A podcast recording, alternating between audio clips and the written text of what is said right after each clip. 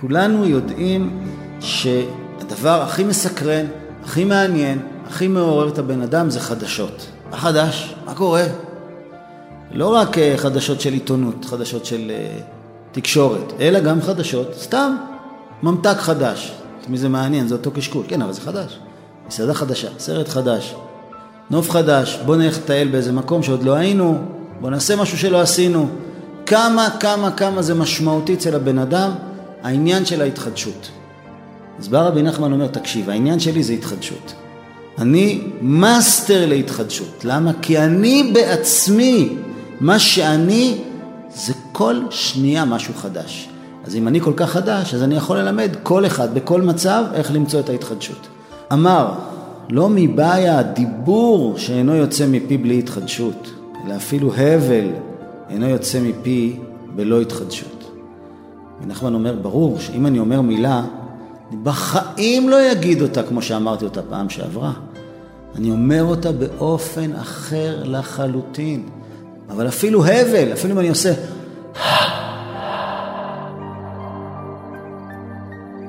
זה לא אותו שהיה קודם. מה, מי יכול להבין את הדבר הזה? רבי נחמן אומר, אני לא נשאר באותו מקום. ושוב חשוב לציין, הוא לא אומר את זה כדי שנמחא לו כפיים, הוא אומר את זה, תקשיבו, יש לכם בעיה גדולה, וכל העולם מוצף בשטויות ודמיונות מטורפים שאומרים שהם החדשות האמיתיות של החיים, ואם לא יהיה לכם התחדשות מצד הקדושה, אתם אבודים, יסחפו אתכם לגיהנום.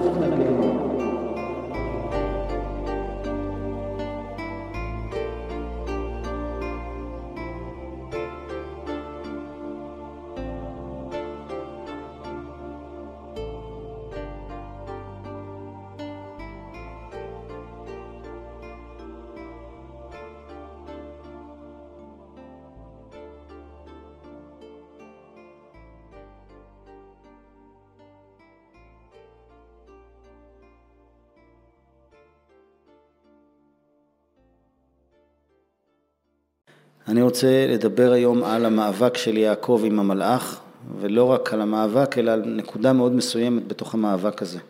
בואו נקרא את הפסוקים שמספרים את הסיפור. ויוותר יעקב לבדו, ויאבק איש עמו עד עלות השחר, וירא כי לא יכול לו, ויגע בכף ירחו, ותקע כף ירך יעקב בהיאבקו עמו. ויאמר שלחני כי עלה השחר, ויאמר לא אשלחך כי אם ברכתני. ויאמר אליו מה שמך? ויאמר יעקב. ויאמר לא יעקב יאמר עוד שמך כי אם ישראל כי שרית עם אלוהים ועם אנשים ותוכל. וישאל יעקב ויאמר אגידה נא שמך. ויאמר למה זה תשאל לשמי ויברך אותו שם. אנחנו יודעים על פי הסוד שהשם של כל דבר הוא המהות שלו.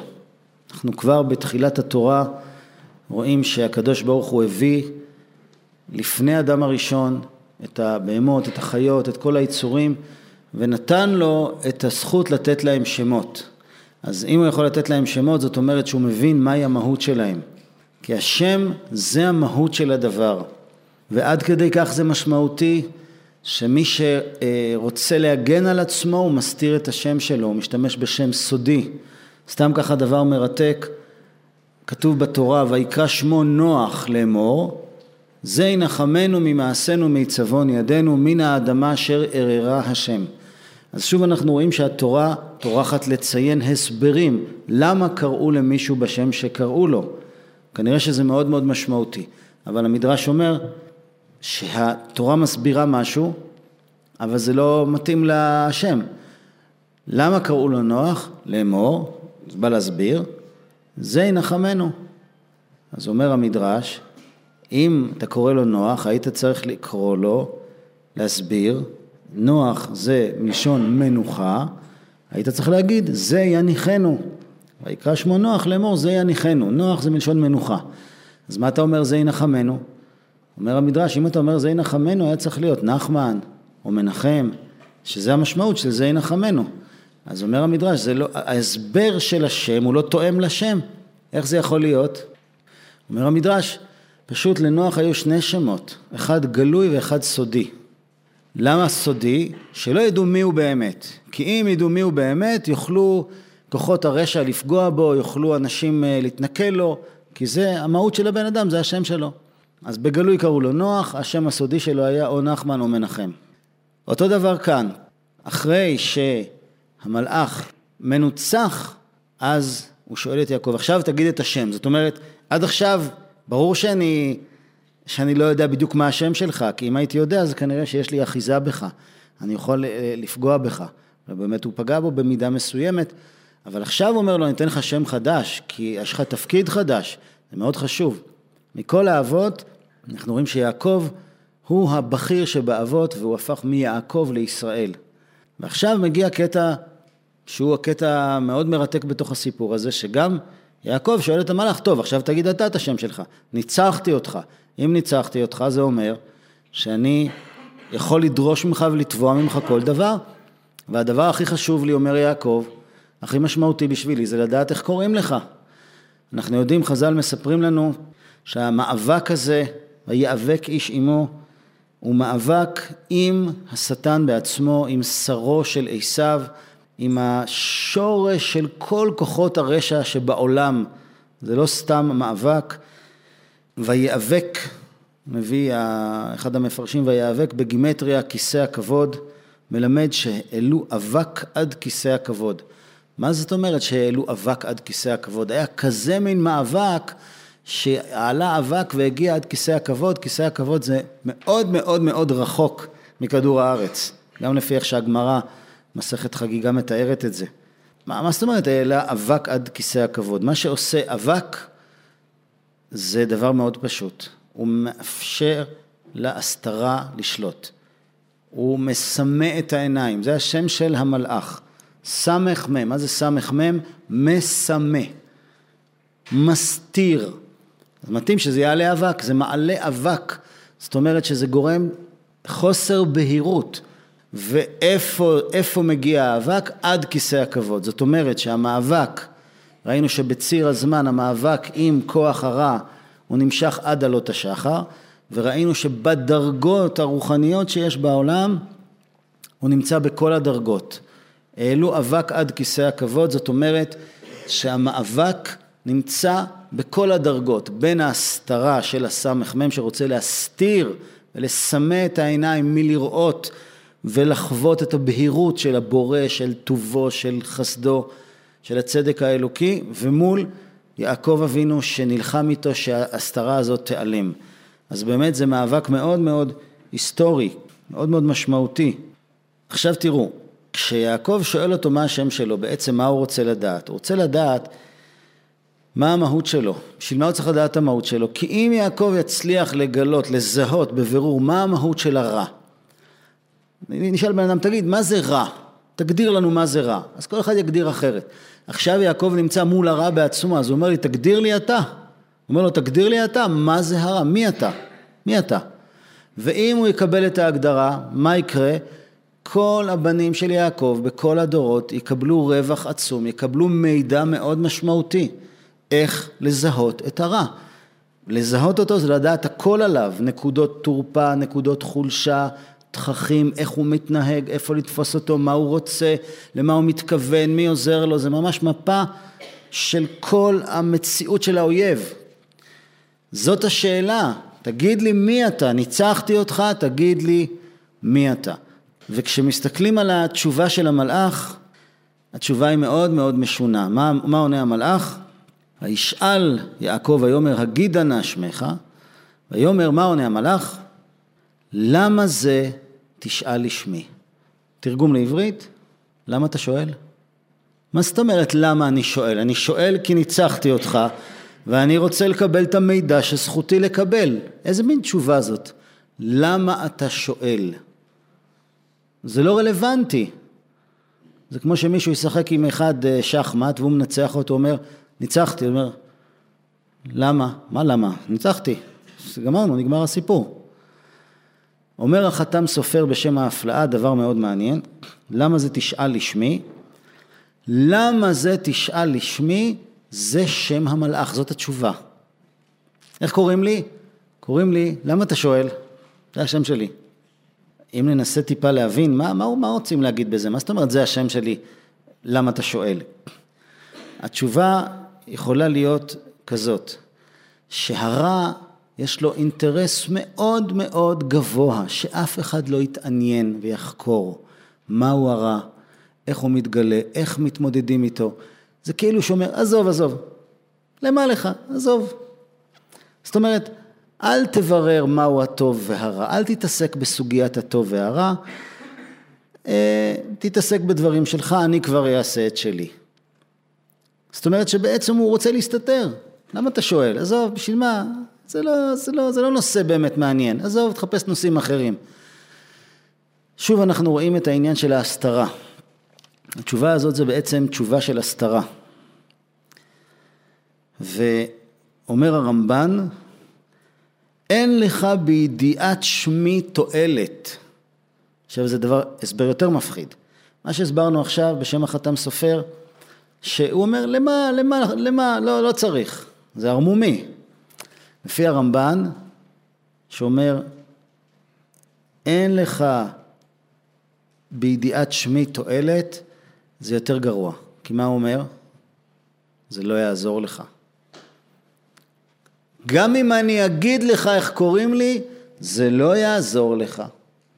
נשמע מאוד מפחיד. הוא לא אומר איך קוראים לו, הוא רק אומר, תשמע, זה פשוט לא יעזור לך. למה זה תשאל לשמי? חבל שתשאל, כי גם אם אני אענה זה לא יעזור. גם אם אתה תדע בדיוק מי אני, זה לא יעזור לך. זה, נשמע, זה מתחיל להישמע מפחיד. ומה שרש"י מסביר, בשם המדרש רבה זה הכי מפחיד. רש"י אומר ככה, למה זה תשאל? אין לנו שם קבוע, משתנים שמותינו הכל לפי מצוות עבודת השליחות שאנו משתלחים. אז עכשיו אומר לו, ראינו כמה פירושים, אחד למה, למה זה תשאל לשמי, השם שלי זה עזוב, למה לדבר על זה? דבר שני, זה לא יעזור, לא יעזור לך. דבר שלישי, אין לי שם קבוע. יש לי מיליון שמות, מיליארד שמות. איך אני יכול לפרט לך את כל השמות? זאת אומרת, אומר לו, תקשיב, אתה חושב שהרע זה דבר כל כך פשוט שאפשר להגדיר אותו בשם? זה בכלל לא פשוט. כי אני יכול להיקרא בכל שם, אני יכול להתלבש בכל צורה. לא כל כך קל לזהות אותי, זה לא כזה מידע פשוט. אה, זה טוב וזה רע. זה לא פשוט לזהות אותי. אנחנו יודעים שהאדם הראשון אכל מעץ הדעת טוב ורע, אז ברגע שהוא אכל מעץ הדעת טוב ורע, מה קרה? הוא כבר לא יודע מה זה טוב ורע. הוא מתבלבל בין טוב לרע, הוא חושב שהטוב זה רע והרע זה טוב, אין לו שום הבנה בין טוב לרע. אם בן אדם היה יודע שרע זה רע, מה הבעיה? אז אף אחד לא רוצה להיות רע. אבל הרע מתעתע, הרע מתחפש. בתורה א', בליקוטי מוהר"ן, רבי נחמן קורא לזה יצר הרע המתלבש במצוות.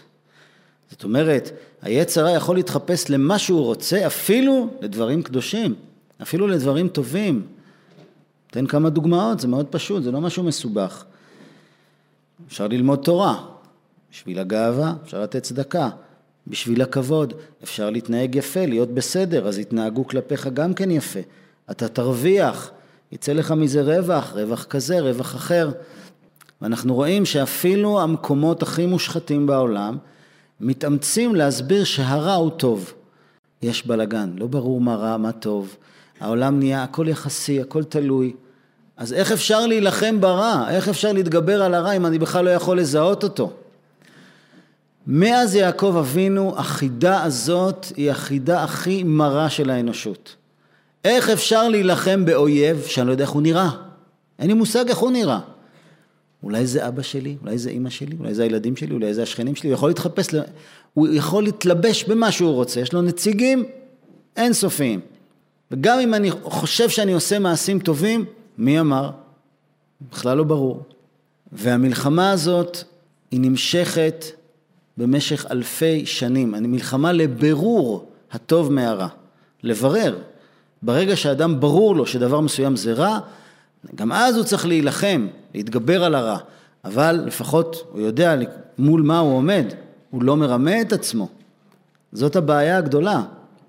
עברו אלפי שנים עד שהגיע לעולם צדיק, שמצא פתרון סופי לבעיה הזאת.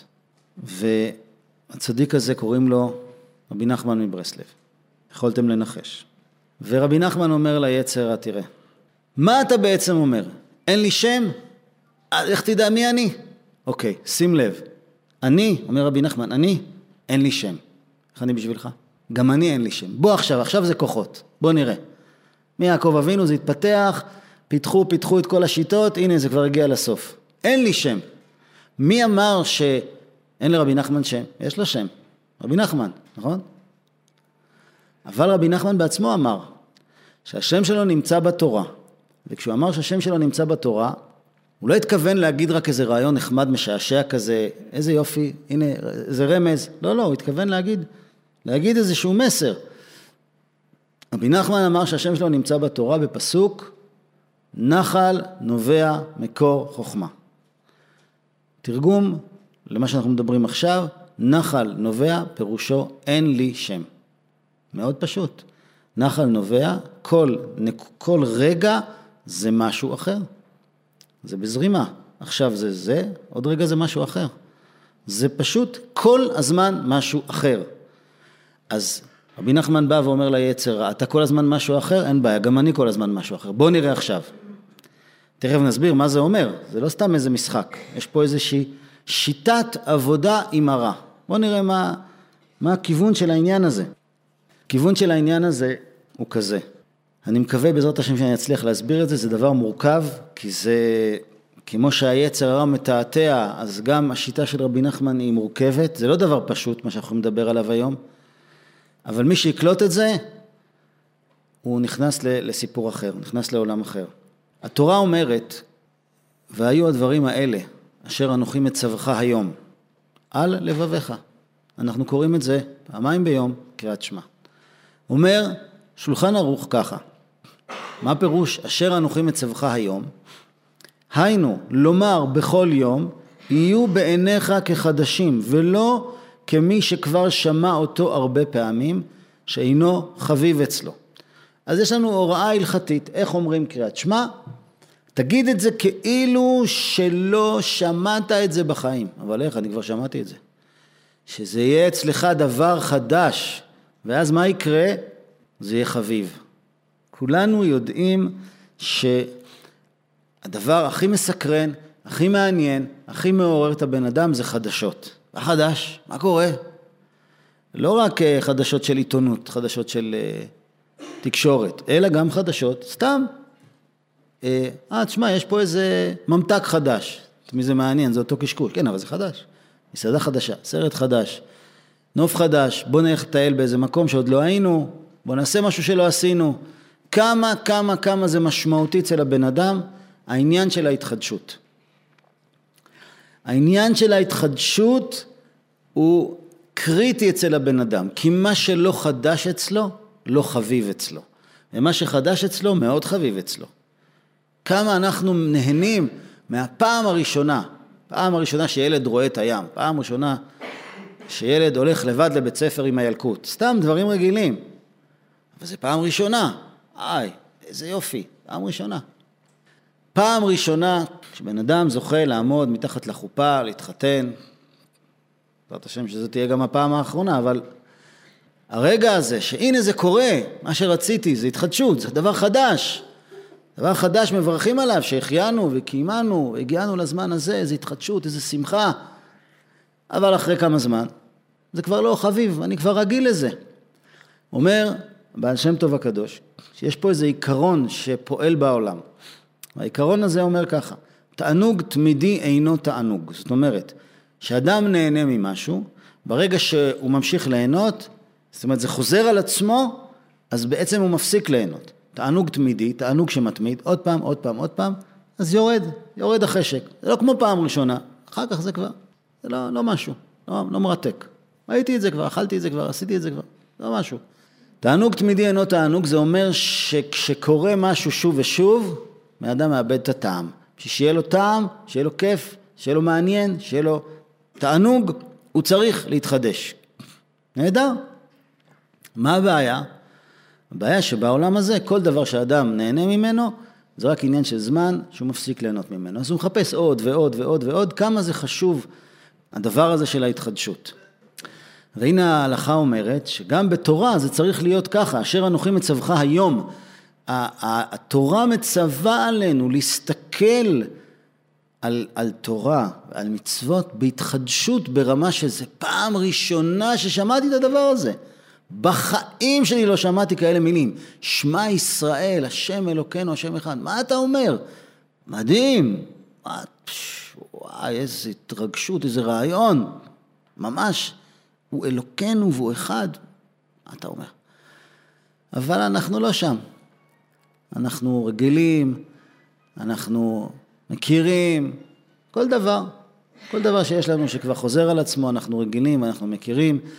וגם כשאדם שומר מצוות אומר, ברוך השם, בעזרת השם, אז זה מין פתגם כזה, זה כמו, מה נשמע? בסדר. זה לא... או שהוא מתפלל, אז הוא אומר, אה, ריבונו של עולם. מה זה ריבונו של עולם? ריבונו של עולם. ריבונו של עולם. תרגום לאנגלית, The Master of the Universe. זה ששולט על הכל. אה, אז זה, זה הריבונו של עולם שאני מתקתק אותו? כן, כן, זה אותו אחד, אתה פשוט אה, התרגלת. אז אפשר לאבד את הכל אם מאבדים את החיות ואת ההתחדשות, ואז מגיע המלאך ללא השם, שאומר, התחדשות, אין בעיה, רק תבוא. יש מסעדה חדשה, יש תאווה חדשה, יש סרט חדש, יש עבירה חדשה, יש טיול חדש, יש זה, מה קרה לך? עזוב את הישן, יאללה, תתגרש, תעזוב, הכל דברים משנים, מכירים כבר, בוא. בוא נלך כיוון אחר, עבודה חדשה, בוא נעבור דירה, בוא... רגע, מה? לא, זה משעמם כבר. מה משעמם? לא, בוא נעשה משהו חדש. שעוד לא עשינו. כשבן אדם מאבד את ההתחדשות בתוך העבודה הקדושה שלו, בתוך הנשמה שלו, בתוך הדברים הפשוטים, בתוך העיניים של אשתו ושל הילדים שלו, בתוך הבית שלו והנוף שהוא רואה מהחלון, בתוך הכוס תה שהוא שותה בבוקר, כשהוא מאבד את ההתחדשות בתוך הפשוט, מגיע, למה זה תשאל לשמי? בוא אני אציע לך משהו חדש שאתה לא מכיר ולא שמעת. כדאי לך, יהיה לך כיף, יהיה לך התחדשות. זאת המלחמה. רבי נחמן בא ואומר, תדעו לכם, אם אין לכם התחדשות בתוך הקדושה, יהיה לכם התחדשות בתוך הטומאה. אין חוכמות. בן אדם רוצה להתרגש, בן אדם רוצה ליהנות. זהו זה, ככה זה. ואם אין לך תענוג וחיות והתחדשות ושאיפות והתר... אין לך את כל זה בתוך הקודש, אז יהיה לך את כל זה בתוך הזוהמה.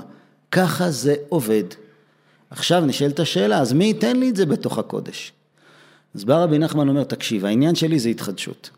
אני מאסטר להתחדשות. למה? כי אני בעצמי, מה שאני זה כל שנייה משהו חדש. אז אם אני כל כך חדש, אז אני יכול ללמד כל אחד בכל מצב איך למצוא את ההתחדשות. ואז יש הגנה, זה מה שיעקב רצה לדעת, איך קוראים לך? הוא אומר, לא, אתה לא תגלה איך קוראים לי. אה, לא נגלה? אז גם לא נגלה לך איך קוראים לנו, גם לנו אין שם. מה הכוונה? אז קודם כל מה שהזכרנו, שרבי נחמן אומר על עצמו, נחל נובע, זה נקודה אחת. נקודה שנייה, תראו מה רבי נחמן כותב על עצמו. אמר, לא מבעיה הדיבור שאינו יוצא מפי בלי התחדשות, אלא אפילו הבל אינו יוצא מפי בלא התחדשות. רבי נחמן אומר, ברור שאם אני אומר מילה, אני בחיים לא אגיד אותה כמו שאמרתי אותה פעם שעברה. אני אומר אותה באופן אחר לחלוטין, ממקום אחר, עם אור אחר, עם הרגשה אחרת, משהו חדש, אני לא חוזר על עצמי, בחיים. זה ברור, אבל אפילו הבל, אפילו אם אני עושה, זה לא אותו שהיה קודם. מה, מי יכול להבין את הדבר הזה? רבי נחמן אומר, אני לא נשאר באותו מקום. ושוב חשוב לציין, הוא לא אומר את זה כדי שנמחא לו כפיים, הוא אומר את זה, תקשיבו, יש לכם בעיה גדולה, וכל העולם מוצף בשטויות ודמיונות מטורפים שאומרים שהם החדשות האמיתיות של החיים, ואם לא יהיה לכם התחדשות מצד הקדושה, אתם אבודים, יסחפו אתכם לגיהנום. תדעו לכם, אתם חייבים את זה. אני פשוט מוכר את זה, אני מספר לכם שהסחורה הזאת נמצאת אצלי. בואו נקרא עוד כמה דברים בעניין של ההתחדשות. רבי נתן כותב, אך ביותר ויותר, הוא כותב את זה לבן שלו במכתבים שלו, עלים לתרופה, אך ביותר ויותר הזהיר אדמו"ר ז"ל על זה, זאת רבי נחמן, על זה להתחדש. כי כל עניינו, תראו את הביטוי, כל עניינו הוא בחינת התחדשות נפלא ונורא מאוד מאוד. שיכול להרים ולחדש הנפשות שירדו ונפלו מאלפי שנים וכמה גלגולים עברו עליהם. כשבן אדם לא מתחדש, אז הוא כופה. הוא כופה והוא יכול אלפי שנים להיות תקוע באיזה סוג של גיהנום, באיזה סוג של מצב נפשי מקובע שאי אפשר להוציא אותו משם בכלל. ואין לו שום מושג איך להשתחרר. אבל אומר רבי נתן, שרבי נחמן יש לו כאלה אה, זרמים של התחדשות, שהוא יכול להחיות גם את אלה שהם כבר לא זזו אלפי שנים מילימטר. יש נשמות אבודות שלא זזות, לא זזות, מחכות שמשהו יקרה. ויש נחל שיכול להזיז גם את הנשמות האלה. ואני יודע ומאמין באמת, הוא לא רק מאמין, הוא אומר שהוא גם יודע, שאדמו"ר, זאת אומרת רבי נחמן, יודע היטב בכלליות ובפרטיות כל מה שנעשה עם כל הנפשות בכל דור ודור, מיום ברו אלוקים אדם על הארץ עד הנה ועד הסוף האחרון, ויודע התיקונים של כל אחד ואחד, וכל הידיעות האלו הם אצלו דבר קטן. כי הוא השיג השגות אלוקות שאי אפשר לתפוס במחשבה כלל. טוב, זה סתם ככה, שיהיה לכם להרחיב קצת את הראש.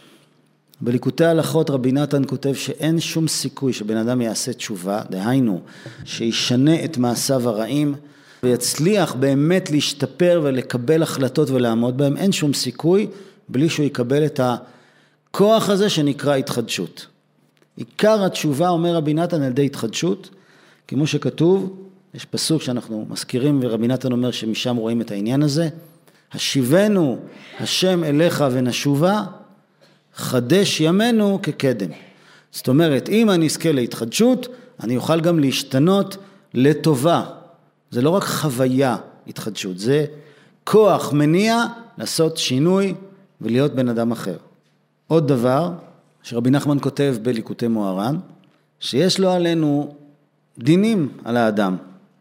זאת אומרת שחס ושלום אדם לא עושה את העבודה שלו, אז בבית דין של מעלה, הקדוש ברוך הוא ברחמיו רוצה לעזור לבן אדם להגיע לאן שהוא צריך להגיע, ואז דנים את האדם, ולפעמים כדי לעורר אותו צריך אה, לשפוך עליו מים קרים, לפעמים צריך לצעוק עליו, לפעמים צריך לעשות לו איזה משהו שיעורר אותו, שיבין שפה יש פה עבודה, זה לא משחק. אז באים לאדם כל מיני דינים, כל מיני צרות, שהמטרה זה לעורר אותו. אבל מה המטרה של כל הדבר הזה? שיתחיל לזוז. אז אומר רבי נחמן, אם אתה כבר זז לבד, אז אין בעיה, לא צריך לעורר אותך. ולכן עיקר המתקת הדינים הוא על ידי התחדשות.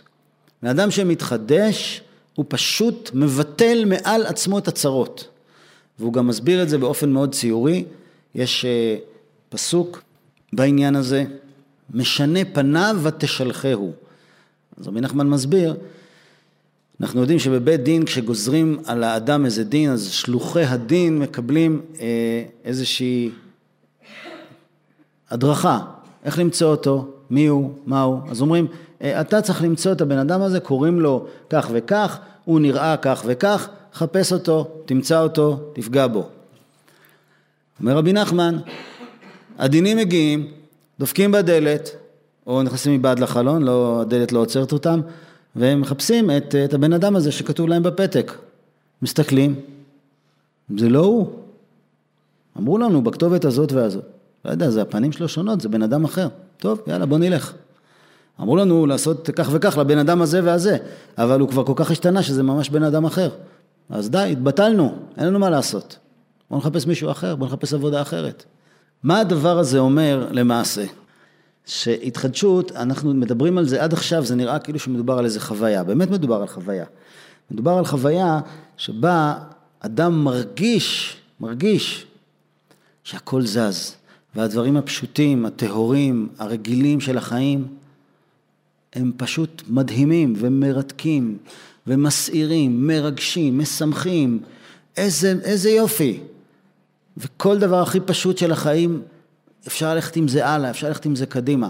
טוב, אבל השאלה הגדולה, בסדר, זאת החוויה. ורבי נחמן אומר שאפשר ללמוד את זה אצלו, אבל איך עושים את זה?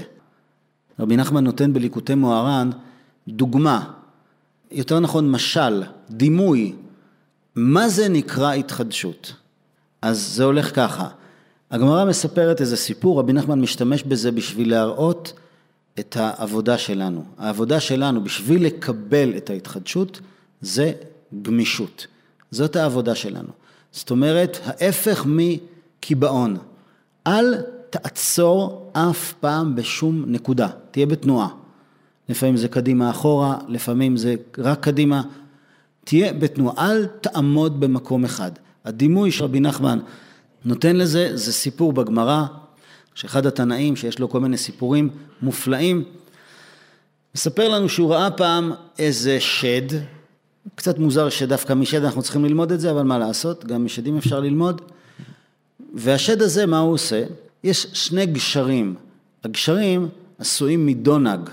אז אתם יודעים, כששמים את הרגל אז זה מתחיל לשקוע. עכשיו, השד הזה, מה הוא עושה? יש, יש כאן גשר אחד, ויש כאן עוד גשר, והוא קופץ מגשר לגשר, וביד האחת הוא מחזיק כוס מלאה יין עד למעלה, בול עד למעלה, ביד השנייה הוא מחזיק כוס מלאה יין עד למעלה, בול עד למעלה, עכשיו הוא קופץ מגשר דונג אחד לשני, ומזג האוויר מציין את הגמרא באותה סיטואציה היה קשה ביותר, סערה ורוחות מדהימות, גלים עצומים באותו נהר, ואז השד הזה קופץ מצד לצד עם שתי הכוסות, ומה הוא עושה עם שתי הכוסות? הוא שופך את התכולה של הכוס הזאת לתוך הכוס הזאת, בו זמנית הוא שופך את התכולה של הכוס הזאת לכוס הזאת, ככה, בעודו קופץ מגשר דונג לגשר דונג, בשיא הסערה ושום טיפה לא נופלת לארץ. אתם יכולים לעשות את זה? מי יכול לעשות את זה? שיעלה לבמה. רבי נחמן אומר, כל אחד מאיתנו צריך לעשות את זה. בסדר, זה, זה דרגה גבוהה, אבל כל אחד מאיתנו צריך להגיע למיומנות כזאת, שהוא מסוגל לקפוץ מנקודה לנקודה, ולדעת שברגע שהוא נוגע בנקודה הזאת, מיד הוא צריך לעבור לנקודה אחרת. זאת השאיפה, זה הדימוי לאן אדם צריך להגיע. ואז המלאך הזה לא יכול לתפוס אותו. איך אפשר לתפוס כזה בן אדם? שהוא לא בשום מקום, הוא כל פעם במקום אחר. תכלס, מה זה אומר לנו בתוך החיים שלנו? קודם כל, לפני שנגיע לחיים שלנו, ניתן עוד דימוי, וזה דימוי קצת מורכב, זה דימוי מעולם הפיזיקה. לפי לפחות חלק מהתפיסות הפיזיקליות שיש בחומר, אז האטום זה הפרודה הכי קטנה, והחלקים שלו לא נמצאים במקום קבוע, הם כל הזמן בתנועה. התנועה שלהם יוצרת את החומר. אז הנה יש לנו עוד דוגמה בתוך המציאות. מה שיוצר את המציאות זה התנועה שיש בתוך המציאות, ונגיע למקום שלנו, אז בואו נראה שכל העולם שלנו מורכב מהפכים, וכל בן אדם על פי הטבע שלו, על פי הטבע שלו, הוא נוטה לצד מסוים, כי זה הטבע שלו. וכשהוא רוצה להיכנס להתחדשות, הוא צריך לסגל לעצמו גמישות ולהיות מסוגל לעשות כל הזמן דבר והיפוכו. כל הזמן דבר והיפוכו. לדוגמה, בואו נראה, אנחנו נחזור אחורה לאברהם אבינו, כשהתורה משבחת את אברהם אבינו והקדוש ברוך הוא אומר, אני אוהב את הבן אדם הזה. למה אני אוהב את הבן אדם הזה? כי ידעתיו למען אשר יצווה את בניו ואת ביתו אחריו ושמרו דרך השם לעשות צדקה ומשפט. אז תשימו לב מה כתוב פה. השם אומר, אני אוהב את אברהם אבינו. אתם יודעים למה? כי הוא מלמד את הבנים שלו ואת כל מי שקשור אליו, הוא מלמד אותם לעשות צדקה ומשפט. לכאורה זה דבר מאוד פשוט, מה הבעיה? מאוד פשוט. כן, אבל הבעיה שזה מאוד לא פשוט, כי צדקה ומשפט זה דבר והיפוכו. יש בעולם, הקדוש ברוך הוא מנהיג את העולם עם עשרה כוחות עשר ספירות, שבע התחתונות שלהם זה מידות שפועלות במציאות, חסד, גבורה, תפארת, נצח, הוד, יסוד, מלכות. חסד זה התכונה, המידה של התפשטות, נתינה, זרימה, טוב, זה דברים שקשורים לעולם החסד. גבורה, הפוך, להתגבר, לצמצם, דין, משפט, צדק, הגבלה, חוקים, זה גם חלק מהעולם, זה עובד גם, גם בעולם. צדקה ומשפט, חסד וגבורה. צדקה זה אני נותן, אני אוהב אתכם, אני נותן לכם, לא רוצה כלום. משפט זה רגע, זה לא מתנות, זה משכורת, עבדת, תקבל, לא עבדת, לא תקבל. אז איך הקדוש ברוך הוא יכול להנהיג את העולם בצורה שהוא משתמש, רק בשתיים מתוך העשר, בשני דברים הפוכים. אם הוא עושה צדקה, אם הוא מנהל את העסק שלו עם צדקה, בנתינה ללא חשבון, ללא גבול, צדקה זה, אני לא חייב לתת צדקה לבן אדם שמבקש, אני אוהב אותו, אני נותן לו, בא לי, אני נותן לו, זה לא קשור לצדק, זה לא צדק, זה חסד, נתינה. משפט, סיפור הפוך. בוא נראה, מי אתה? מגיע לך, לא מגיע לך, תעבוד, תקבל משכורת לפי העבודה, עבדת פחות, נוריד לך ימי עבודה. זה שני דברים שונים. הקדוש ברוך הוא מנהל את העולם בצדקה ומשפט. איך הוא עושה את זה? רק הוא יודע, רק אלוקים יכול לעשות את זה. האמת שלא, גם אנחנו יכולים. הנה אברהם אבינו. כי ידעתי, והקדוש ברוך הוא אומר, אני אוהב את הבן אדם הזה. למה? למען אשר יצווה את בניו ואת ביתו אחריו לעשות צדקה ומשפט. הוא יודע לקפוץ בין שני הצדדים. זאת אומרת ככה, יש אנשים שהטבע שלהם, הוא אוהב לתת. הוא לא יודע לשים גבולות. הוא לא יודע להגיד לילד, די. הוא לא יכול להגיד למישהו, אני לא יכול. הוא לא יכול לפטר את העובד שלו, הוא לא יכול להגיד לבוס שלו, זה קשה לי מדי. הוא לא יודע לעשות שום גבול. הוא לא יודע, הוא לא מסוגל, הוא רק עד שהוא מת. נותן, נותן, נותן, נותן. מכירים את זה? יש אנשים כאלה. זה טבע כזה. הוא רק, רק בזרימה. הוא לא, הוא לא אוהב חוקים, הוא לא אוהב מסגרות, הוא לא מסוגל לזה. ויש אנשים הפוכים. גבולות, עד כאן, רק זה, אין חסדים, אין זה, אין זרימה, הכל זה חוקים, משבצות, כן, לא, שחור, לבן, זהו, דין. דין זה דין. יש אנשים כאלה, ויש אנשים כאלה. יהודים זה לא זה ולא זה. זה גם וגם. כן, אבל לפי הטבע שלי אני חסד. מצוין, עכשיו תלמד לקפוץ לגשר השני. אתה חסד? יופי, אבל לפעמים צריך להגיד די. כן, אבל אני לא בנוי לזה. תקפוץ לשם, אתה מהבנים של אברהם, אתה כן בנוי לזה, אתה מסוגל, אם זאת האמת, אם עכשיו צריך לנהוג על פי דין, תנהג על פי דין. לא, אני אוהב רק לתת, זה מתחלק, אני, אני, אה, אשתי רק אוהבת את הילדים ואני רק אומר להם מתי לא. יופי, מאוד יפה, מאוד קל, מאוד פשוט. מי אמר שזה נכון? לפעמים צריך לתת, לפעמים צריך לא לתת, לפעמים צריך להגיד די, לפעמים צריך להגיד טוב. אז אתה צריך לבדוק את הנושא לפי העניין. מה נכון, מה האמת, לא מה הטבע שלך. זה עבודה שהופכת את האדם למשתנה. אני משתנה כל הזמן. אברהם אבינו הוכיח את זה, אברהם איש החסד, נכון? אז אם אברהם איש החסד, למה דווקא אחרי שאברהם איש החסד מוכן לעקוד את בנו, שזה ההפך לגמרי מחסד, הוא צריך להתגבר על הרחמים שלו בתור אבא, הוא צריך לעשות מעשה של דין, של גבורה, ודווקא בעקדה, הקדוש ברוך הוא אומר לו, אתה ידעתי כי ירא אלוקים אתה, עכשיו אני יודע שאתה ירא אלוקים. ומה עד עכשיו? לא הייתי ירא אלוקים? לא הפכתי את העולם בשבילך? אז הפירוש הוא, עד עכשיו היית אברהם איש החסד, הפכת את העולם בשבילי, אבל, ועשית את זה יפה מאוד, עשית את המקסימום לפי הטבע שלך, אבל עכשיו הוכחת שאתה יצור אלוקי, אתה מסוגל להשתנות, לקפוץ גם להפך. אתה מסוגל, נכון, אתה איש החסד, אבל כשיש צורך אתה יודע להיות גם דין. זה דוגמה אחת. יש עוד הרבה דוגמאות. אז קודם כל, צדקה ומשפט. מה האמת? האמת היא שצריך לקפוץ לפי העניין. ועוד דוגמה, שאנחנו צריכים לשאת דבר והיפוכו. אנחנו רואים בלימוד התורה, זה מאוד מעניין שכשבן אדם לומד גמרא, אז כש, כשיהודי לומד גמרא, אחד הדברים המרתקים שצריך לקרות לו במוח זה ככה. דנים על איזשהו עניין, ואחד מציג איזו עמדה, מציג אותה יפה, משכנע, מביא הוכחות, וכשאני לומד את זה אני חייב להבין מה הוא אומר. לרדת לסוף דעתו, מה הוא מתכוון, מה הנקודה שלו, מה השיטה שלו. הבנתי. הבנת? יופי. עכשיו תראה מה אומר הבר פלוגתא שלו. זה שאומר הפוך, גם לו לא יש את הצד שלו, גם לו לא יש את ההוכחות שלו, גם לו לא יש את ההסברים שלו ואת הנימוקים שלו. עזוב, אני, אני מבין אותו. יופי, תעזוב את זה שאתה מבין אותו. הבנת אותו? טוב? מצוין. עכשיו תשכח מזה, תבין את השני. איך אני אבין את השני? באופן טבעי, כל בן אדם שרואה ויכוח או אה, דיון, אוטומטית, לפי הטבע שלו הוא תופס צד, הוא תופס עמדה. מי שלומד גמרא הוא תמיד רואה שאם יש שתי דעות על איזה עניין, באופן אוטומטי זה, זה מתחלק שאחד אומר, אה, אני מבין את הדעה הזאת, השני אומר, אני מבין את הדעה הזאת. יופי, כל אחד מבין את מה שהוא ממילא. זה לא כלום. תבין את ההפך, בוא נראה אותך. בוא נראה איך אתה מסוגל להבין דבר והיפוכו. אז המוח שלך נהיה גמיש, אתה נהיה יהודי.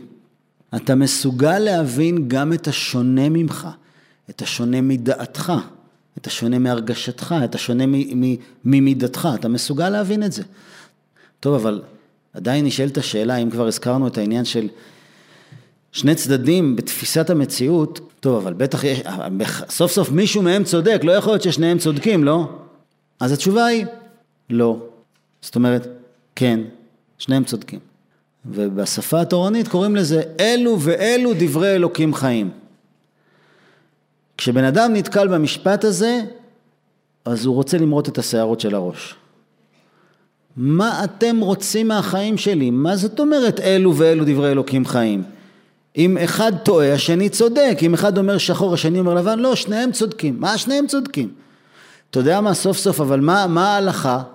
ההלכה אומרת שזאת האמת, לא? כן. נו, אז אם כך, זאת האמת, והשני, שקר. לא, חס ושלום. אלו ואלו דברי אלוקים חיים, הכל אמת. הכל אמת, אבל זאת ההלכה. איך זה יכול להיות? אני לא מבין. איך אתה רוצה שאני אסבול את ההיפוך הזה? מאוד פשוט, בואו ניקח דוגמה שקשורה לחנוכה. יש מחלוקת בגמרא בין בית שמאי ובית הלל איך מדליקים נרות חנוכה. בית הלל אומרים, וכל אחד עם הנימוקים שלו, עם ההסברים שלו, עם הפסוקים שלו, עם החשבון שלו, בית הלל אומרים, מדליקים ביום הראשון נר אחד, ביום השני שניים, שלוש, ארבע וכן הלאה. מוסיף והולך. זה מה שאנחנו עושים, נכון? אבל יש עוד דעה בגמרא, בית שמאי. בית שמאי אומרים, פוחת והולך. ביום הראשון כמה נרות מדליקים? שמונה, אחר כך שבע, שש, חמש, עד אפס, עד אחד. טוב, ההלכה אומרת, בסופו של דבר הדיון הזה הוכרע שההלכה כבית הלל, ובאמת בסופו של דבר בשורה התחתונה אנחנו מקיימים את המצווה באופן כזה, לא באופן אחר.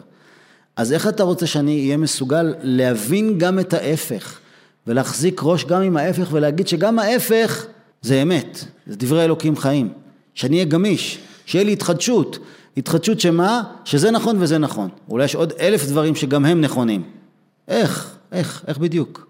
רבי נתן מסביר בליקוטי ההלכות שבית שמאי זה שיטה שמשקפת את מידת הדין בעולם. בית הלל זה שיטה שמשקפת את מידת החסד בעולם. וכל אחד לשיטתו זה הפסק שלו. בית הלל אומרים, מוסיף ועולה, חסד זה התפשטות. קח קצת אור. לא הבנת? קח עוד. לא הבנת? קח עוד.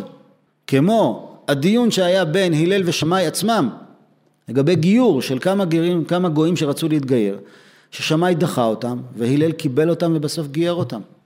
ובית שמאי אומרים, תקשיב, אתה רוצה את האמת? זאת האמת, אוקיי?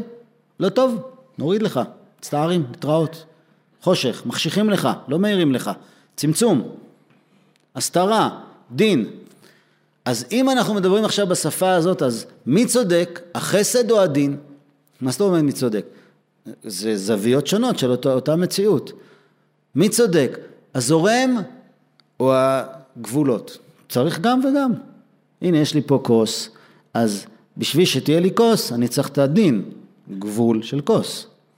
אבל בשביל שאני אוכל ליהנות מזה, אני צריך שיהיה לי גם משהו בתוך הכוס. זה החסד שבתוך הדין. אני צריך את שניהם, נכון? אז אין פה אמת. אבל סוף סוף להלכה הדין הוא כמו אחד מהם. זה רק דוגמה אחת, בואו נלך על עוד דוגמאות. הדבר הקלאסי והמצוי שקורה לנו בחיים זה בכל נקודה שאנחנו נמצאים, אנחנו חושבים, יש שני דברים, יש את הטבע שלי, שזה, אני תמיד חושב ככה, תמיד אני חושב שהאמת זה שטוב לתת. אם אחד אומר, רגע, דין, מה פתאום, הוא לא מבין כלום. לא נכון. אני צריך להבין גם את השונה.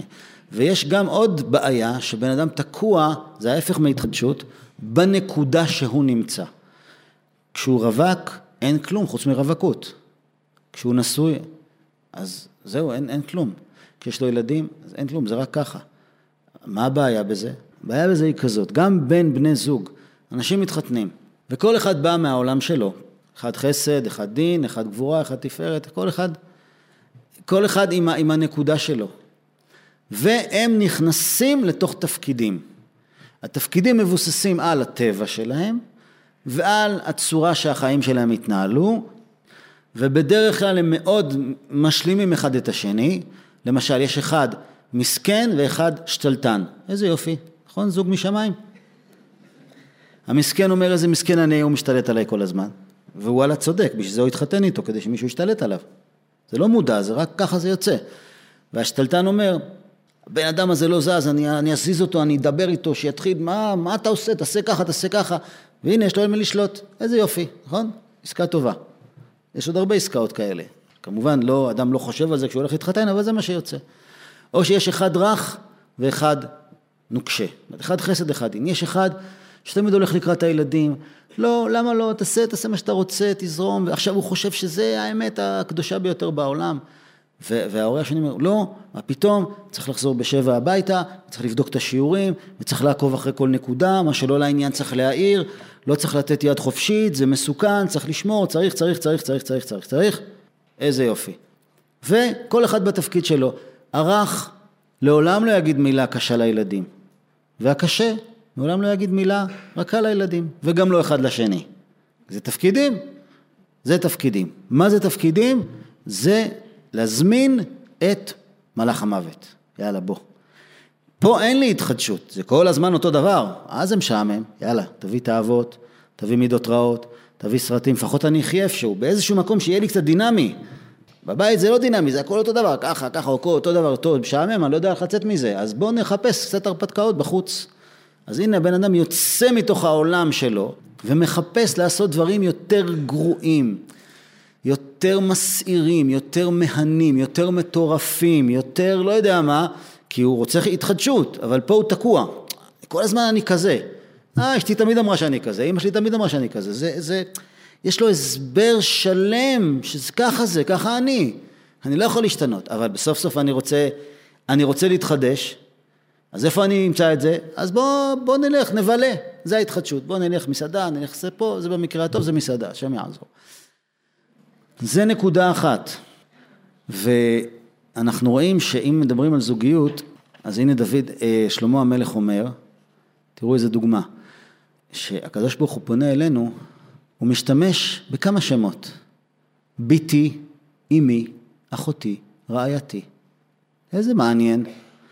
רק שנייה, אני בן של השם, כן, אני בן, אבל אני גם, אני גם רעיה, אני אישה, אני אחות, אני אימא, אני ילדה. אה, רגע, תחליט. מה? לא, לא, הכל. תהיה דינמי. זאת אומרת, ביחסים שלנו עם השם, הקדוש ברוך הוא אומר, אני מודיע לכם מראש שהתפקידים צריכים להתחלף.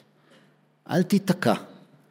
וביחסים של בן אדם עם ההורים שלו, עם הבן זוג שלו, עם הילדים שלו, גם כן אותו דבר. אחותי, רעייתי, בתי, אמי. זאת אומרת, פעם אה, הבעל הוא אה, אבא של אשתו, ופעם היא אימא שלו. אני צריך גם אימא, אבל אני צריך גם ילד, אני צריך גם חבר, אני צריך גם שותף, אני צריך גם אחות, אני צריך גם... יש כל מיני תפקידים, כל מיני תפקידים. הקשר, בשביל זה גם בן אדם צריך, באופן טבעי, אה, שיהיה לו הורים, שיהיה לו בן זוג, שיהיה לו ילדים, שיהיה לו חברים. למה יש כל כך הרבה סוגים של קשרים? בגלל הדבר הזה. כן, אבל מה קורה אם אין לי את כל האפשרויות האלה? או שאני מקובע, אז אני מתנהג עם כולם אותו דבר. אני ילדותי עם כולם. אני ילד קטן של אמא שלי, אשתי, ילדיי, אני גם ילד קטן שלהם, אני שפוט שלהם, אני מפחד מהם, של חבריי, של הבוס שלי, של אלה שתחתיי בעבודה, יש לי תפקיד סגור, אני לא יכול להשתנות. אז אם בן אדם מבין שהוא חייב להיות גמיש, הוא צריך להתחיל להתאמן בהחלפת תפקידים. מהיום אני אנסה להיות בזווית אחרת. מי אמר שאני צריך דווקא תמיד להיות מלמעלה? אולי אני אהיה למטה. למה אני תמיד חזק? זה סתם תפקיד, לא בא לי להיות חזק. מה, אני לא, לפעמים אני חלש. אז בוא עכשיו אני אהיה חלש. וואי, מתחיל פיצוצים. כי אם אני חלש, אז החזק, אם אני חלש, אז לקחתי לו את התפקיד, לחלש שלי, נכון? אז עכשיו הוא בבלאגן, כי הוא גם צריך להשתנות. זאת אומרת, אם אני משתנה, הכל מתחיל לזוז. אבל הרי זה הבן אדם, הרי לפעמים אני באמת חלש, למה אני צריך תמיד לשחק את החזק, או את הרך, או את הקשה? זה לא האמת. לפעמים אני רוצה להיות ילד, שאוהבו אותי, שילטפו אותי, שיגוננו עליי, ככה. לפעמים אני רוצה להיות בוגר, ואני צריך להיות בוגר, לפעמים אני נדרש למצב כזה, למצב כזה. אז זה אחותי, רעייתי, אמי, בתי. אותו דבר עם ילדים. מה, מה אותו דבר עם ילדים? ילדים, אני אבא שלהם, הם ילדים שלי, לא? לא. זה החידוש הגדול, שלא. אחד הכישלונות של ההורים זה שהם בתפקיד של הורים. מה זאת אומרת? תראו, אנחנו זוג צעיר, הורים של ילד בן שנה. אז הורים של ילד בן שנה זה משהו מאוד מסוים. זה עוטף, זה, זה, זה רך, לא דורשים ממנו כלום. איזה כיף זה. אבל פתאום עובר זמן, רגע, וזה ילד בן ארבע. לא, היה לי כל כך טוב בבן שנה, עזוב, בוא נמשיך. הלו, תזוז, תהיה בתנועה. אתה לא בתנועה, יבוא הסמ"ם, הוא יהרוס לך את הבית, הוא יהרוס לך את הקשרים עם הילדים, לא, אבל זה היה כל כך טוב. יש כאלה ש, שהילד שלהם הוא כבר בן 40 והוא עדיין בן שנה. לא, לא, למה? בוא, בוא, נסדר לך. לא, לא, זה, אתה לא הבנת, זה כבר, זה כבר סיפור אחר, זה כבר ילד אחר. וילד בגיל העשרה זה ילד אחר, אתה לא יכול להתנהג אליו כמו ילד קטן, וילד שהתחתן זה עוד פעם ילד אחר. זה, זה אחר, זה לא אותו דבר. טוב, בסדר, אבל, אבל לפחות תשאיר אותי במקום שאני תמיד ההורה. אני תמיד אבא של. אז מי שהוא תמיד אבא של, אימא של, מה שקורה, הרבה לפני גיל ההתבגרות הוא כבר לא אבא של ולא אימא של ונגמר ואין לו ילד. למה? מאוד פשוט. אף אחד לא יכול לקנות את הסיפור הזה. אף ילד, וכולנו יודעים את זה בתור ילדים, אף ילד לא קונה את הסיפור הזה, את השקר הזה. אבא שלי ואימא שלי זה אנשים מושלמים, דגולים, מבינים, תמיד לצידי, תמיד אלוקים כזה. אף אחד לא קונה את זה. למה? כי זה פשוט לא האמת, זה הכל. אבל אם אני חושב שאני אבא של הילד הזה, אני אימא של הילד הזה, אני חייב להיות שם בשבילו, אני פשוט משקר לו בפרצוף. אני אומר לו, תקשיב, אני אלוקים, אני לא בן אדם. אוקיי, אז מה הילד אומר לעצמו? טוב, ההורים שלי שקרנים, התראות. אני לא קונה את זה. והם אומרים לי כל הזמן מה צריך, הם באים אליי מלמעלה, הם בכלל לא מבינים אותי. הם גם שקרנים, הם גם לא מבינים אותי, אני גמרתי איתם. זהו. זה מה שקורה מאוד מוקדם. אבל אם ההורים אומרים, אוקיי, עכשיו אני אבא, בוא נהיה ילד, בוא נהיה חבר של הילד שלי, בוא נהיה ילד של הילד שלי. אתם יודעים איך אתה נהיה ילד של הילד שלך? אתה אומר לו, תשמע, כמו שאתה צריך שילטפו אותך ויאהבו אותך, גם אני צריך. אולי תחבק אותי קצת, אולי תאהב אותי קצת. איך אני צריך את החום שלך? בוא נהיה חברים, בוא אני אשחק איתך במשחקים שלך, בוא אני אכנס לראש שלך, בוא אני ארד אליך, עכשיו אני ילד, עכשיו אני חבר שלך. והרבה אנשים בטיפשותם חושבים שזה פוגע במעמד האב או האם. זה לא פוגע בכלום. הפוך, אם אני יורד לילד שלי ואני משחק איתו, ואני מבין אותו ואני חבר שלו, אז מה קורה? הוא אומר, אה, תראה, תראה את האבא הזה, תראה את האמא. הם, הם יכולים להבין אותי, הם יכולים לרדת עד אליי, איזה צבעוני זה האבא הזה, איזה מעניין הוא. וואי, טוב, אז אם ככה, אני יכול לתת בו אמון. אז אם הוא יכול להיות גם ילד, אז כנראה שכשגם הוא אבא, אז הוא גם אבא. אז אני יכול להאמין בזה. אני יכול להאמין שהוא אבא, כי הוא יודע להיות ילד, הוא יודע להיות איתי, אז אני יכול להיות איתו. הוא יודע לרדת אליי, אני אדע לעלות אליו, אני יכול לסמוך עליו, הוא יכול לגדל אותי. הוא גם יכול להיות חבר שלי, הוא כתובת, הוא מבין אותי. הוא לא רק בא אליי מהדיבורים של הגדולים האלה, תשמע, זה לא ככה, ככה עושים, ככה לא עושים, איזה משעמם זה, מי רוצה לשמוע על כזה דבר? אנחנו רצינו לשמוע לכזה דבר? אף אחד לא רצה לשמוע. זה ככה, זה, זה, זה, זה, זה משעמם, זה לא, זה לא הורים. אבל אם אני יכול לרדת אליו ולהבין אותו, אני מתחלף איתו בתפקידים, נהיה סיפור אחר. אז אני גם יכול לבוא ולהגיד לא. אולי גם אתה תתחלף, אוקיי, אתה ילד, אבל בוא, בוא עכשיו תהיה אתה הבוגר. אני יכול להתייעץ איתך אולי? חשבתם על כזה רעיון? להתייעץ עם הילד שלכם. מה, אתה רוצה להגיד שהדעה שלי חשובה? כן, אני, לא, לא בתור משחק, יש איזה תחום, אני באמת לא, לא סגור על זה. אפילו רק בתור איזו שיטה חינוכית, אבל אה, רגע, אז זאת אומרת שהילד אומר, אז אני יכול להיות מבוגר. הוא יכול להיות קטן, אז אני יכול להיות גדול. מתחיל להיות פה תנועה, מתחיל להיות פה התחדשות, זה לא מקובע. תחשבו שככה אתם עם החברים שלכם, עם ההורים שלכם, עם הילדים שלכם. אני תמיד, כשאני עושה ככה, אימא שלי עושה ככה. אוקיי, אז בוא נראה אם תצליח לעשות אחרת. אני תמיד, שאימא שלי, היא אומרת לי ככה ואני מרגיש ככה. אתה יכול לעשות אחרת? שאימא שלך תגיד לך ככה ואתה לא תעשה ככה. אתה יכול? אני תמיד, שאימא שלי אומרת לי, אה, מה שלומך? סתם דוגמה. אז אני שונא אותה. למה? כי באמת לא שואלת מה שלומי. היא רק אומרת, תמשיך להיות קטן, תמשיך לשרת את הצורך שלי בילד קטן, שאני אדאג לו. מה אכפת לי מי אתה? לא רואה אותך ממטר, אתה לא מעניין אותי בכלל. זה מה שאני מרגיש. ותמיד שהיא אומרת לי, סתם, אני לוקח איזה סיטואציה, ותמיד שהיא אומרת לי זה, אני שונא אותה, אבל אני לא יכול להגיד את זה, כי זה לא כיבוד הורים. אז אני רק שונא אותה בלב, וזהו, ונהיה לי רע לאיזה יומיים, אחר כך ממשיך. זה תבנית, תפקידים. אז אולי תשנה את זה, תגיב אחרת, אתה אולי תנסה לדבר על זה. אמא, תראי, אני יודע שאת אוהבת אותי, באמת אכפת לך, אבל uh, יש לי איזו הרגשה לא נוחה עם זה, אולי ננסה לדבר על זה. או שתגיד משהו אחר, תעשה משהו אחר, תפתיע. גם בעבודת השם. בן אדם רוצה ללמוד תורה, אז הסבירו לו איך לומדים. עכשיו הוא מתחיל ללמוד, תוך זמן קצר הוא לא רוצה ללמוד. למה הוא לא רוצה ללמוד? כי לא נותנים לי שום מקום ל... ל תן לחיות רגע. אף אחד לא שואל אותי מה בא לי ומה מה, מה מושך אותי, מה מדבר אליי. כרגע לא נראה לי, אני מחפש, אין, ככה, ככה לומדים, ככה עושים, משעה זו עד שעה זו, ככה זאת השיטה, זה הנושא, ותהיה בשקט, ואם לא תעשה את זה, יש לך בעיה חמורה. דיברתי עם איזה יהודי, באמת, יהודי תורני, תלמיד חכם, יודע ללמוד. אמרתי לו, תראה, כתוב בגמרא, בגמרא, גמרא הקדושה, כתוב ככה, לעולם ילמד אדם תורה במקום שליבו חפץ. חז"ל נותנים לנו הוראה, תקשיב טוב, אתה חייב להיות דינמי. תחפש מה מושך אותך. עכשיו בא לך נושא מסוים, יש כל כך הרבה דברים בתורה, תחפש. הוא אומר לי, אני יודע שזה כתוב, אבל כל מה שאני אלמד, חוץ מגמרא, אני מפוצץ ייסורי מצפון, כאילו שאני עושה עבירה. אמרתי לו, אתה ממש חולה. הוא אמר לי, כן, אני חולה, אבל זה מה שאני מרגיש, מה אני יכול לעשות? אני מרגיש שכל דבר שאני אלמד, לא משנה מה, חוץ מגמרא, ודווקא באופן מסוים, אני פשוט עושה עבירה. כי ככה, זה נקרא תורה. וכל דבר אחר זה לא נקרא תורה. זה לא משנה מה כתוב. זה לא משנה שכתוב אחרת, אבל ככה, ככה זה. אמרתי לו, ואתה אוהב את התורה? הוא אומר לי, מה הכוונה? אתה מתענג? כיף לך? הוא אומר, אני לא יודע על מה אתה מדבר. זאת אומרת, כיף לי, אני לומד, צריך ללמוד. יופי. אז ההמשך של הדבר הזה זה עבירות. כי פה לא כיף לי, אז בוא נלך למקום אחר, שם יהיה לי כיף. משעמם לי, רוצה התחדשות, רוצה כיף. אז תעשה כיף בתורה, תעשה כיף בקדושה, תעשה כיף עם הילדים שלך, תעשה כיף עם העבודה שלך. תעשה דברים חדשים בתוך החיים הרגילים שלך, תעשה משהו בצורה אחרת. תתחדש.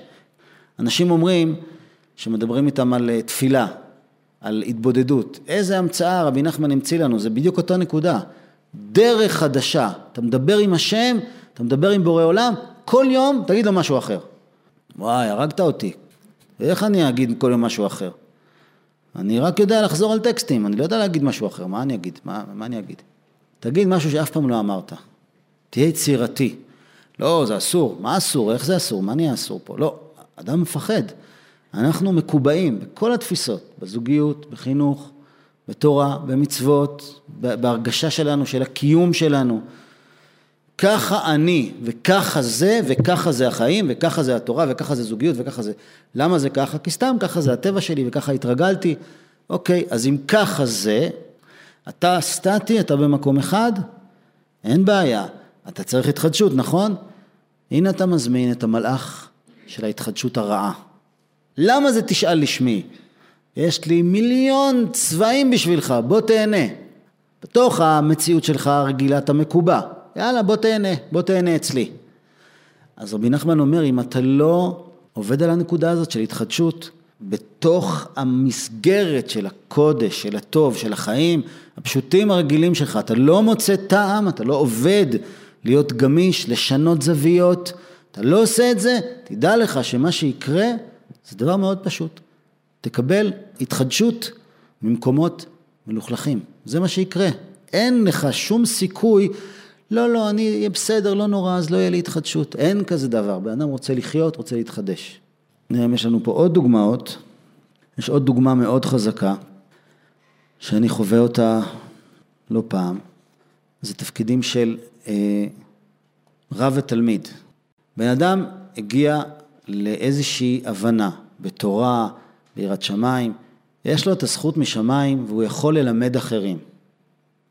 נהדר, נכון? לא. כי גם פה, אם אתה ננעל על זה, אתה מתחיל להסתבך. אני רב. אה, כן? נהדר. זאת אומרת, הפסקת להיות תלמיד, נכון? ברור. אני צריך להסביר, אני צריך לדעת כל דבר. לא, מה פתאום? אני משפיע, אני גם מקבל. ותראו איזה יופי, אומר רבי נתן, שהדרגה המשובחת, ש, שחז"ל משבחים אדם של תורה, אז איך קוראים לו? תלמיד חכם.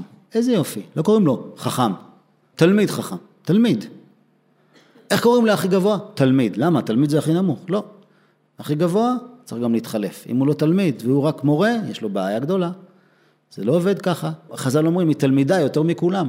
אם אתה רק מורה, ואתה לא בו זמנית תלמיד של אלה שאתה מורה שלהם, אתה לא בכיוון. כי אתה חייב להיות כל הזמן חכם וצודק ומבין, ואתה עכשיו מתחיל לשקר כדי להגן על העמדה הזאת, כמו שאתה משקר כדי להגן על העמדה שלך בתור אבא או בתור אימא או בתור בוס או בתור... אתה חייב לשקר, כי זאת העמדה שלך. למה? תגיד, אני לא יודע, לא יודע, מה, תשמע, רעיון יפה, בוא נלמד, בוא, מה, מה קרה? תתהפך, תתהפך.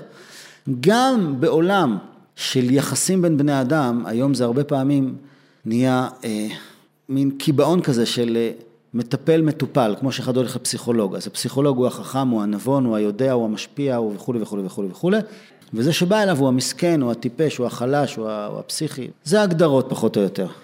וחשוב מאוד, לפי שיטת הגויים, כדי שהטיפול יצליח, לשמור על דיסטנס. זאת אומרת, שלא יהיה טעות, אני המטפל, אתה המטופל, שלא תבין אותי לא נכון. ואז זה יצליח. אני הגדול ואתה קטן, יופי. אז אני תמיד אשאר קטן. כי אפילו שאתה תציל אותי, אז אתה תישאר הגדול, אני לא יכול לגדול, אתה לא מגדל אותי. לגדל מישהו זה להראות לו שהוא גדול, וזה מתאפשר על ידי שאני אראה לו שגם אני קטן. והנה יש צד השווה, אני כמוהו, הוא יכול להיות כמוני.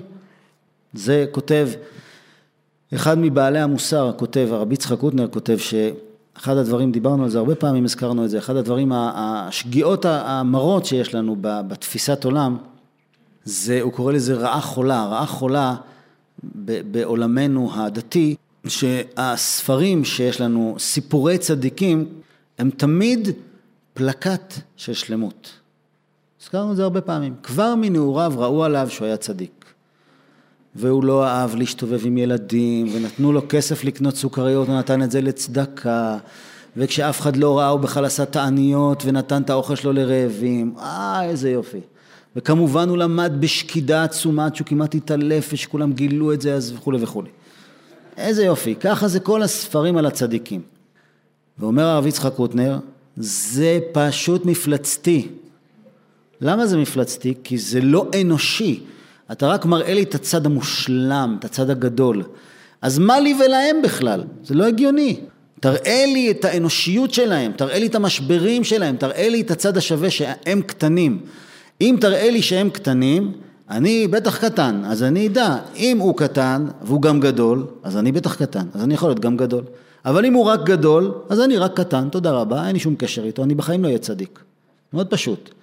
אם האנשים הדגולים הם מושלמים, אז, אז מה, מה אני יכול ללמוד מהם? כלום. זה פלקט, זה קיבעון. אבל אם הם גם שוגים, אה, הם גם שוגים? אז זה אני מכיר. שוגים אני מכיר, אז יש לי, יש לי קשר עם הסיפור הזה. ולכן התורה טורחת לציין ולספר לי אין סוף של מקרים על אנשים שהם צדיקים גדולים, והתורה עושה מאמץ לתפוס את הנקודות הכי קטנות שהם טועים ולעשות מזה סיפור. ולהגיד איך עשית את זה ואיך עשית את זה. למה? אתה פוגע לי בדמות של הבן אדם. לא, אני לא פוגע. בן אדם גדול, צדיק, קדוש, מי אני, איפה אני ואיפה הוא בכלל לדבר, להגיד את השם שלו. אף על פי כן התורה אומרת, כן, אבל רואה, הוא בן אדם, והוא יכול גם לטעות. אז זה בסדר, אתם יכולים להתחלף בתפקידים, הוא יכול לטעות ואתה יכול להיות צדיק, תתחלפו קצת. זה, זה הלימוד שאנחנו יכולים ללמוד. גם ביחסים בין בני אדם, חז"ל נותנים לנו הוראה שהיא כפילות בלתי אפשרית על פי טבע. שוב, ניקח שני סוגים של אנשים. יש אנשים שהם מאוד, אה, אנשים מאמינים, מאמינים באנשים אחרים, יש להם אמון בבני אדם. פתוחים, מאמינים, למה לא, נסמוך עליו, כך, זה, בכיף, אין בעיה, אנשים הם טובים. ויש אנשים אחרים שהם חשדנים, לא מאמינים בבני האדם, הם תמיד מחפשים לראות איפה יעבדו עליהם, הם, הם מגינים על עצמם כל הזמן. זה סוגים של אנשים, וכל אחד בגלל הסיבות שלו ובגלל השריטות שלו ובגלל הסיפור שלו. אומרים חז"ל, שני האנשים האלה הם טועים, וההתייחסות הנכונה לבני אדם היא כפילות, של קפיצה, דינמי. כבדהו וחשדהו. תכבד אותו, תאמין בו. מצד שני, אל תחשוב שהוא מושלם. תבדוק, תחשוד, תראה, יכול להיות שהוא טועה. רבי נחמן אומר, העולם אומרים, בני אדם בעולם אומרים, שאם אדם הוא צדיק הוא לא טועה, ואם הוא טועה הוא לא צדיק. זה השחור לבן, זה הקיבעון. אם בן אדם הוא צדיק, אני מחזיק ממנו צדיק, ברור שהוא לא טועה. כמו שאני חושב שאבא שלי לא טועה אם הוא אבא שלי וכן הלאה, זה סתם דמיונות. ותפסתי אותו באיזה טעות, אה, עכשיו קלטתי, הוא בכלל לא צדיק. מה הקשר? הוא צדיק, הוא יכול לטעות. כל התורה מלאה בדבר הזה. אז כשאנחנו ביחסים עם בני אדם, כבדהו, חשדהו, תבדוק. ואיזה כבדהו ואיזה חשדהו, אומרים חז"ל, כבדהו כרבן גמליאל. זאת אומרת, כל, כל אדם אתה צריך לכבד אותו כנשמה ענקית, מדהימה, שיכול לבחור בטוב ויכול להגיע לכל המעלות ולכל הטוב שבעולם, כמו רבן גמליאל. וחשדהו בו זמנית על אותו בן אדם. חשדהו כליסטים מן השוק. אתה כזה צדיק, אבל יכול להיות שיש חטאת מקלע ואתה הולך להרוג אותי.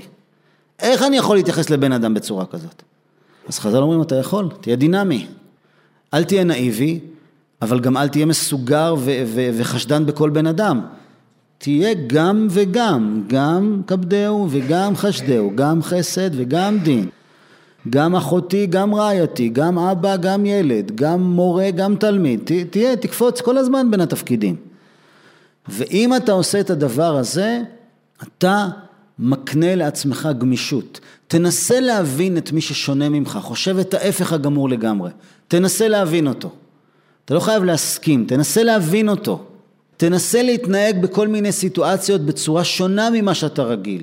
אפילו דברים הכי מצחיקים והכי קטנים, תעשו את זה באופן שונה. כמו שאמרנו, שריבונו של עולם זה סך הכל the master of the universe. מה עשינו בזה? עשינו שינוי קטן. בואו ניקח את זה לשפה אחרת. אה, תראה, זה מעורר מחשבה. כל דבר שעושים שינוי, אדם מתחיל להרגיש את הזרימה של החיים. וכל השינויים בתוך התחום של התורה, בתוך התחום של הקדושה. אני לא צריך לחפש שינויים בחוץ. אני יכול לעשות שינויים בפנים. ואם אני עושה שינויים בפנים, תארו לעצמכם איזה בן אדם יוצא פה. לזה רבי נחמן שואף, זה כמו הזה שקופץ על הגשר. הוא אומר לנו, תראו, אתם יכולים... את... לא, אני תמיד כזה עצוב. אתה יודע מה, אז תהיה קצת שמח לפעמים. לא, אני תמיד כזה שמח, אז תהיה אולי קצת רציני לפעמים. אתה יכול לקפוץ, תהיה דינמי. תארו לעצמכם בן אדם שהוא יכול להיות גם תלמיד וגם מורה, גם ילד וגם אבא, גם אחותי, גם רעייתי, גם בתי, גם אמי. איזה צבעוני זה הבן אדם הזה. הוא יכול לדבר בכמה שפות, הוא יכול לתפוס כמה זוויות, הוא יכול להבין בן אדם אחד, הוא יכול להבין בדיוק את הבן אדם ההפוך. איזה בן אדם צבעוני זה? איזה חיות יש לו, איזה התחדשות יש לו, בלי לנסוע לתאילנד, ככה, החיים הרגילים. אז איך עושים את זה? אז אנחנו צריכים להתחיל להתאמן, זה, זה לא דבר מסובך, רק צריך לדעת שיש כזה דבר. תתאמן ב, בלהתהפך למשהו אחר, לפחות בזמן מסוים, באופן מסוים. אם אדם עושה את הדבר הזה, הוא קונה גמישות במחשבה, בהרגשה, בהתנהגות, בחוויה הפנימית שלו, ואז הוא מגיע לנקודה שאין לו שם. זה פשוט, אתם לא מבינים איזה מתנה זאת אין לי שם. אין לי שם זה אומר, אני לא חייב להיות זקן בגלל שאני בן 80, אני לא חייב להיות עצוב בגלל שיש לי צרות, אני לא חייב כלום לאף אחד. לא, אלה עם הצרות הם עצובים. אה, אוקיי, בסדר, אני לא רוצה להיות עצוב אבל. מה, אתה רוצה להחליט? כן, אני אחליט, לא, לא מתאים. אני בן 80, כן, אבל אני, אני צעיר. אני, אה, אין לי ילדים, אבל אני חווה מציאות של הכלה של כל מי שבסביבה שלי. אה, כן, יופי. ו- ואני, יש לי מלא ילדים, אני בכלל לא סובל את הילדים שלי, אז אני לא חווה בכלל הורות. בקיצור, בן אדם יכול להחליט להזיז את עצמו, וזה בלימוד, וזה בתפילה, וזה ביחסים עם אנשים. תזוז, תזוז, רבי נחמן אומר, אתה תתחיל לעשות תשובה, אתה תתחיל להגיע למה שאתה צריך להגיע. אפילו אם יש לך בעיה, חשבת על כל הפתרונות, לא מצאת פתרון, לך כיוון אחר. תחשוב על משהו שלא חשבת. תנסה לדבר עם אנשים שבחיים לא היית מדבר עם אנשים כאלה. תנסה לראות מה הם חושבים, איך הם מרגישים. תנסה. תנסה להיכנס למציאות מזווית אחרת. אתם יודעים מה זה זווית אחרת? זה כמו אחד, שיוש... אחד שעומד על שפת הים ומסתכל על האופק, או אחד שיושב על שפת הים ושם את הרגליים במים, או אחד ששוכב על החול ומסתכל על השמיים. כמה זוויות יש? לגמרי שונות. ומה אתה חושב על כל דבר? בקיצור, בן אדם שנכנס למקום הזה, אני יכול לתת דוגמאות בלי סוף, הוא פשוט נהיה אינסופי. לא משעמם לו, כי יש אין סוף של זוויות בכל דבר, והוא מסוגל לזוז. הוא אומר, טוב, הילדים שלי התחתנו, איזה יופי, עכשיו אני בקטע חדש, בוא נראה מה זה להיות זקן. הוא אומר, וואי, וואי, אני זקן, וואי, אני צעיר, וואי, אני רווק, וואי, התחתנתי. אפשר להיעלל על כל דבר. זאת אומרת, כל דבר שאתה שם, אתה מתחיל להתקבע. האם אתה אומר, בסדר, זה כרגע, בוא נלך מקום אחר, מקום אחר בראש, מקום אחר בגישה. אז בן אדם יכול לשנות את הכל. ואם אדם זוכה לדבר הזה, אז כל תפילה שלו היא חדשה, כל בוקר שלו הוא חדש. כשהוא מסתכל על העיניים של הבן זוג שלו, או של הילדים שלו, או של המעביד שלו, או על הדברים הכי פשוטים בחיים, הוא יכול להיכנס לחוויה נוראה של תענוג, מכלום. מה זאת אומרת מכלום? מדברים הכי פשוטים שהוא כבר רגיל אליהם, הוא יכול להגיד, לא ראיתי את זה עד היום, איפה זה היה? זה היה פה. ההתחדשות היא פנימה, לא החוצה. בעזרת השם, נזכה לזכור את זה, לקיים את זה, לברוח מהמלאך שאין לו שם, לצדיק שאין לו שם. השיר ברקע בביצועו של יצחק פוקס, מתוך התקליטור בעת ההיא. עת ללדת, עת למות, עת לדעת ועת לעקור נטוע, עת להרוג ועת לרפות, עת לפרוץ ועת לבנות, עת לבכות ועת לזחוק. עת שפות ועת ריקות, עת להשליך אבנים, ועת כנוס אבנים.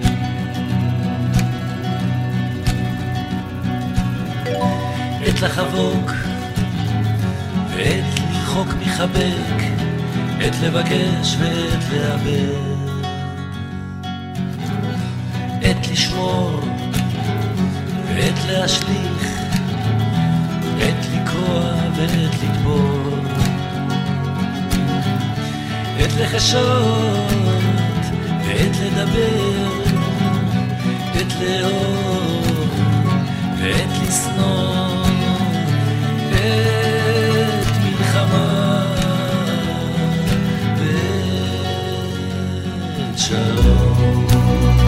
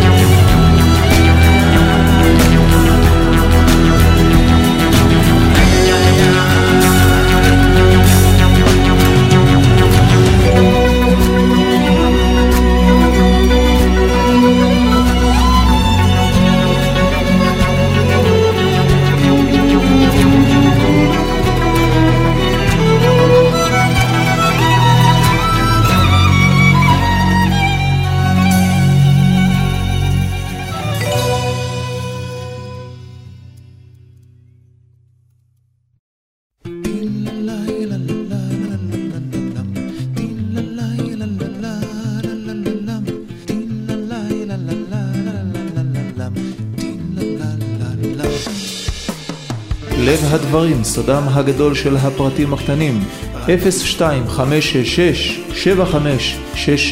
כתובתנו באינטרנט, לבדברים.com.